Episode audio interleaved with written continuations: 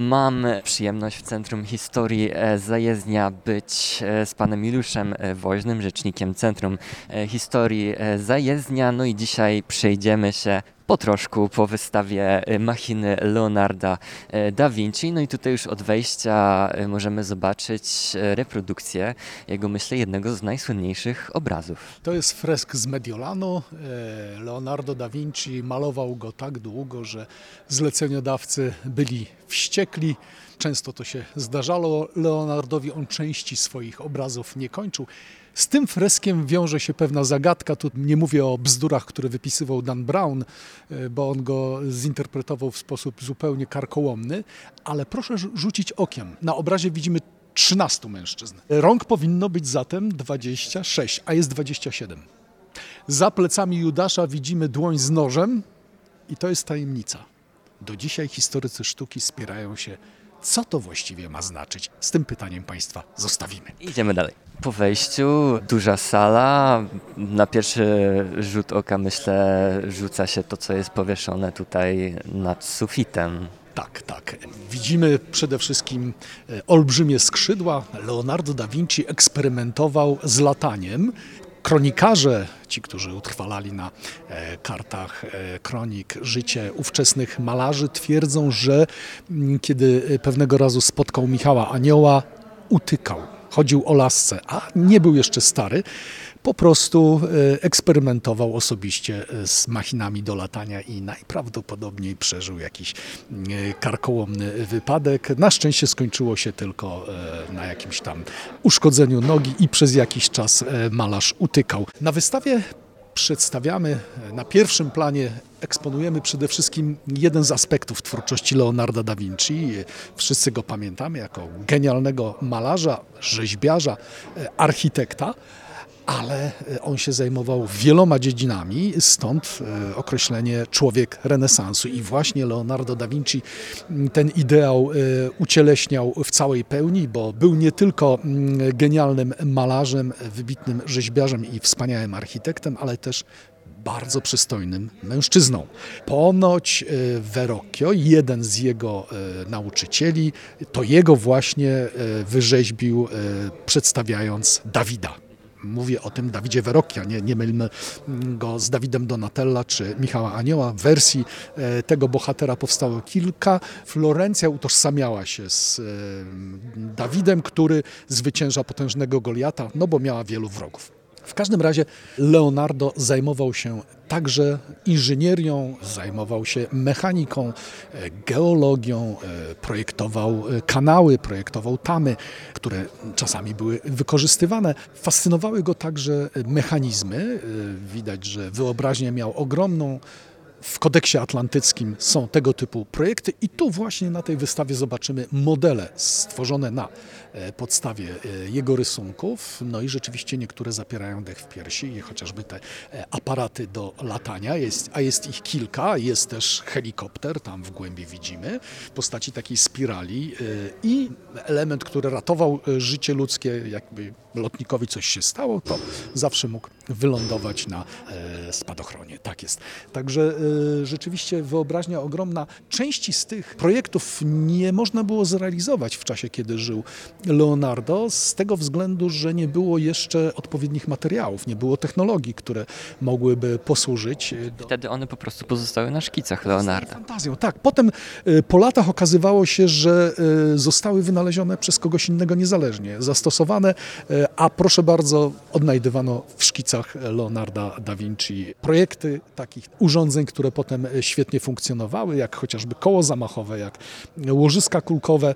To wszystko świadczy świadczy o tym, no, że rzeczywiście to był geniusz. To była ostatnia epoka. Renesans to była ostatnia epoka, kiedy jeden człowiek był w stanie ogarnąć całą wiedzę ludzkości. To wszystko, co przez pokolenia udało się zgromadzić jako mm, dorobek naukowy ludziom, to jeszcze w tym okresie było to możliwe. Później to już e, stało się e, ponad ludzkie siły. Dzisiaj mamy już specjalistów, którzy zajmują się chociażby jeśli chodzi o okulistykę, Wydawałoby się, że e, okuliści powinni mm, obejmować całość tutaj zagadnień, a jednak już nawet e, w tej, w tej wąskiej dziedzinie są specjalizacje.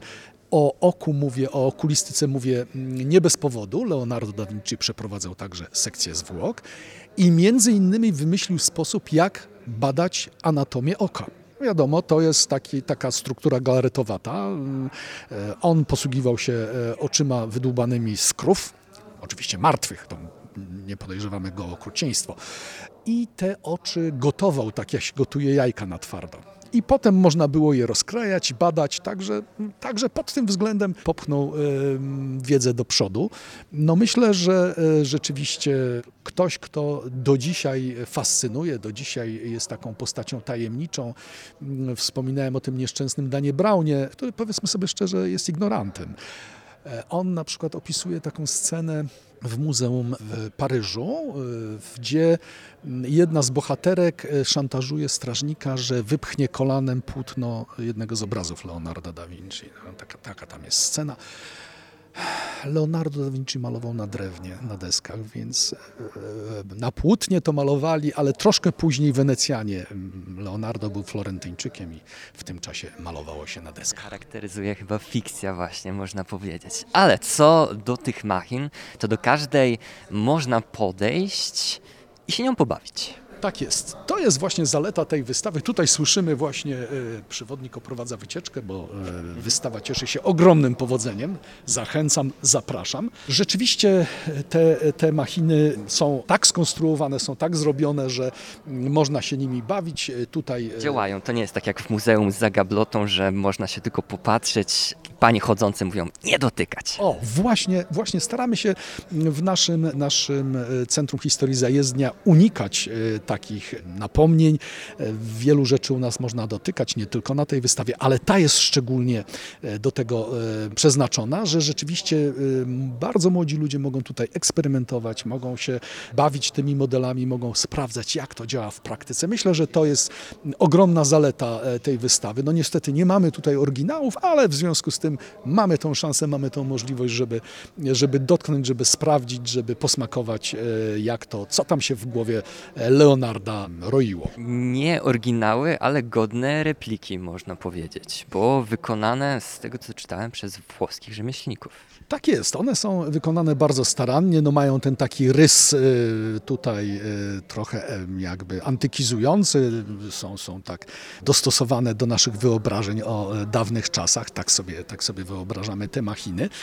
Y, No i rzeczywiście, y, o może tutaj przejdziemy do następnych, są korby, są Teraz takie... przy łożysku pionowym. Tak, łożysko pionowe i widać tutaj, że no działa, działa rzeczywiście, chociaż niektóre z jego machin były tak mm, zrobione, że, że nie mogły działać. Niektórzy twierdzą, że on w ten sposób chciał e, zabezpieczyć się, czy zabezpieczyć ludzkość przed zbyt e, śmiercionośnym działaniem e, tych machin. Podobno właśnie czołg nigdy by nie mógł pojechać, e, bo on tak skonstruował napęd, żeby, żeby zabezpieczyć. E, Ja sądzę, że, że to nie do końca jest prawda. Może coś mu się tam mm, pomyliło, bo proszę zerknąć, tutaj podejdziemy do, do e, tej e, machiny i proszę zobaczyć. O właśnie, pan przewodnik mówi, że Leonardo był przeciwnikiem przemocy, a tutaj mamy e, wirujące sierpy, które e, pięknie kroiły na polu bitwy żołnierzy przeciwnika. E, Myślę, że on mimo całego swojego pacyfistycznego nastawienia do e, rzeczywistości e, miał tak nieposkromioną wyobraźnię, że musiał sobie to wyobrazić, musiał to, to pokazać. O, tutaj mamy młot automatyczny. To nie do końca jest wynalazek Leonarda. Może on wpadł na to, żeby e, zastosować krzywik tutaj e, niezależnie, ale e, wiadomą rzeczą jest, że w ten sposób już napędzano młoty w warsztatach produkujących filc w średniowieczu. To, to, to już Sama machina wygląda na bardzo wyrafinowaną, bym powiedział, szczególnie to urządzenie tutaj na tej korbie. Tak, ten krzywik właśnie to jest, to jest ten pomysł, jak zmienić ruch wirowy na ruch e, posuwisto-zwrotny. Wróćmy do czołgu, o tu możemy zajrzeć do środka. Tak to właśnie e, wyglądało. Dookoła małe armatki, także Tutaj przez to, że jesteśmy w radiu, to myślę, przydałoby się troszkę opisać e, to, co widzimy. I to nie jest taki człowiek, jak nam się wydaje, jak widzieliśmy na przykład w czterech pancernych, tylko zupełnie inny. Wejdźcie sobie w internet i zobaczcie, zobaczcie jak ten czołg Leonarda.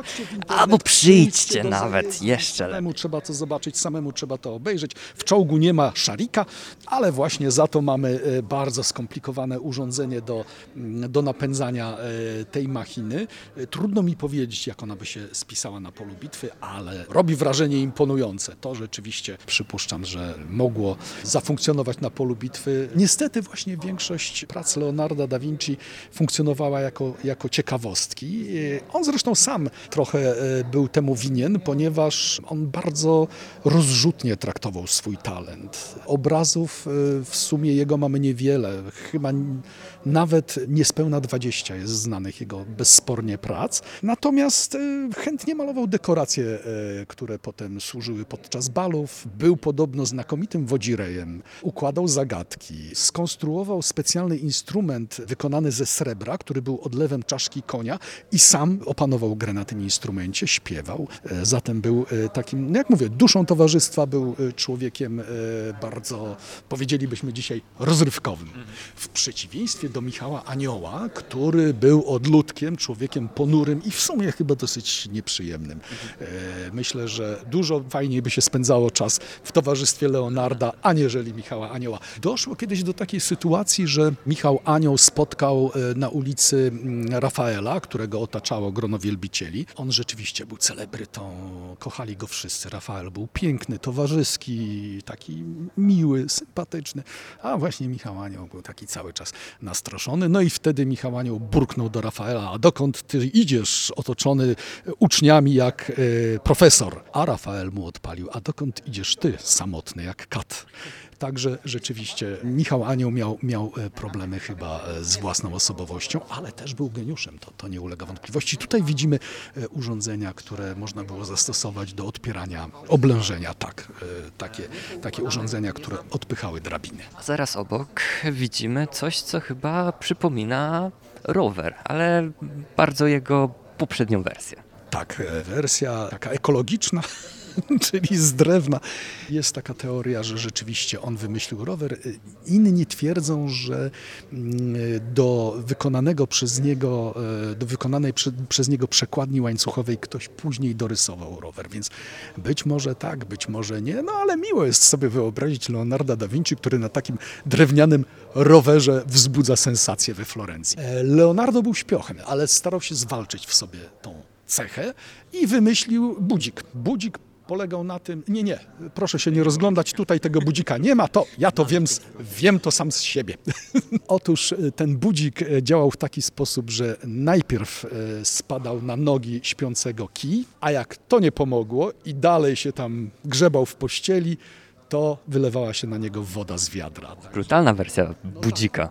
No widocznie znał siebie i wiedział, że, że e, z trudem wstawał, no ale to podobno jest cecha ludzi genialnych, że, e, że lubią e, pospać. Może wtedy właśnie przychodzą do głowy te fantastyczne pomysły. Oprócz tych wszystkich e, machin tutaj w sali, również repliki jego obrazów. Tak, zapraszam, można się przyjrzeć e, tym obrazom. No między innymi jest ten Chrystus, który przez długi czas był obiektem sporów. Ostatecznie historycy sztuki doszli do wniosku, że to jednak jest Leonardo da Vinci. Cóż jest charakterystycznego e, w jego, w jego obrazach?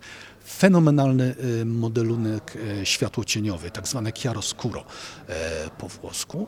I rzeczywiście on podobno bardzo miękkimi pędzlami rozprowadzał farbę, także nie jesteśmy w stanie wykreślić granicy między częściami oświetlonymi i częściami e, zacienionymi. E, Być może właśnie dlatego tak długo powstawały jego obrazy, być może dlatego to, to wymagało tyle pracy i tyle wysiłku, że, że części ze swoich e, prac nie kończył. To też jest charakterystyczne. Zresztą Michał Anioł też części ze swoich prac nie kończył i przyznam się szczerze, że w przypadku Michała Anioła one są chyba najlepsze. To, to, to, to jest, pozostaje pole do wyobraźni. One są rzeczywiście takie, mm, taką widać walkę materii e, z konceptem artysty. U Leonarda też są tego typu e, obrazy. Jest taki niedokończony obraz Pokłon Trzech Króli i tam rzeczywiście widać poszczególne etapy powstawania. Widać szkic, widać potem podmalunki, widać już ukończone części. E, No myślę, że to kapitalnie pokazuje, jak działał artysta, jak wyglądał jego, jego warsztat. Przez wiele lat następcy, ci, którzy, którzy e, potem badali, podziwiali jego sztukę, no dopisali najróżniejsze teorie do, do twórczości Leonarda da Vinci i myślę, że, że tym, tym fajniej. No jest zabawa, jest, jest z tym Leonardem mnóstwo zaskoczeń, mnóstwo różnych takich elementów, które fascynują. Cały czas ktoś odkrywa coś nowego, jakiś aspekt z sensem albo bez sensu. No ale z drugiej strony to powoduje, że możemy mieć osobisty stosunek do tego człowieka, możemy, możemy go lepiej zauważyć. No podobno umierał w ramionach francuskiego króla, więc rzeczywiście mówiono o nim boski Leonardo.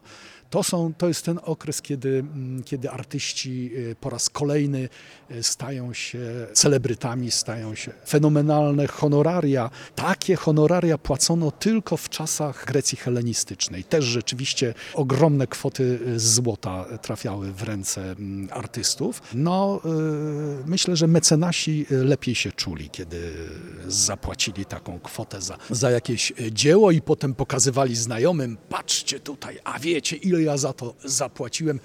I tutaj dochodzimy do ciekawego zagadnienia. Otóż cenność wygląda na to, że jest składnikiem estetyki. Czyli jeżeli za dzieło zapłacono mnóstwo pieniędzy, to naprawdę każdy przed nim przystanie i każdy się zastanawia, kurczę blade, no skoro tyle pieniędzy, tak, to to musi być genialne dzieło. Także rzeczywiście te procesy są e, ogromnie interesujące. Do tego dochodzą, tak jak mówiłem, e, różnego rodzaju legendy, opowieści. E, wrócę do e, relacji między Michałem Aniołem a Leonardem da Vinci.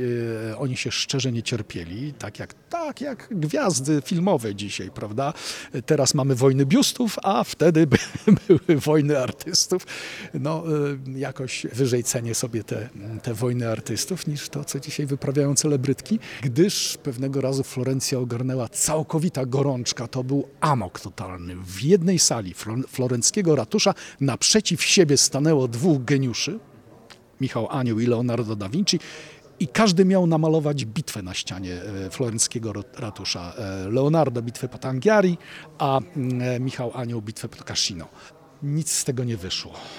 Oni się tak nienawidzili, taka była między nimi rywalizacja, że w końcu obaj zrezygnowali z tego przedsięwzięcia. Zachowały się szkice zachowały się na ścianach ratusza podmalówki, bo tam oni obaj zaczęli działać. No ale proszę Państwa, no, takie to były czasy. Do dzisiaj, jak się jednego artystę zapyta o drugiego, to usłyszymy bardzo czasami ciekawe opinie. Także pod tym względem widocznie jest konstans.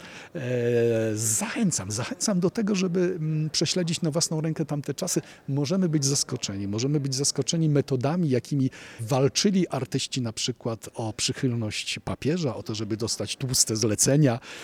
Naprawdę czasami poniżej pasa atakowali. Tak. Jeżeli tymi wszystkimi historiami poczuliście się zachęceni, zainteresowani, to zapraszamy do Centrum Historii Zajezdnia tutaj na Grabiszyńskiej.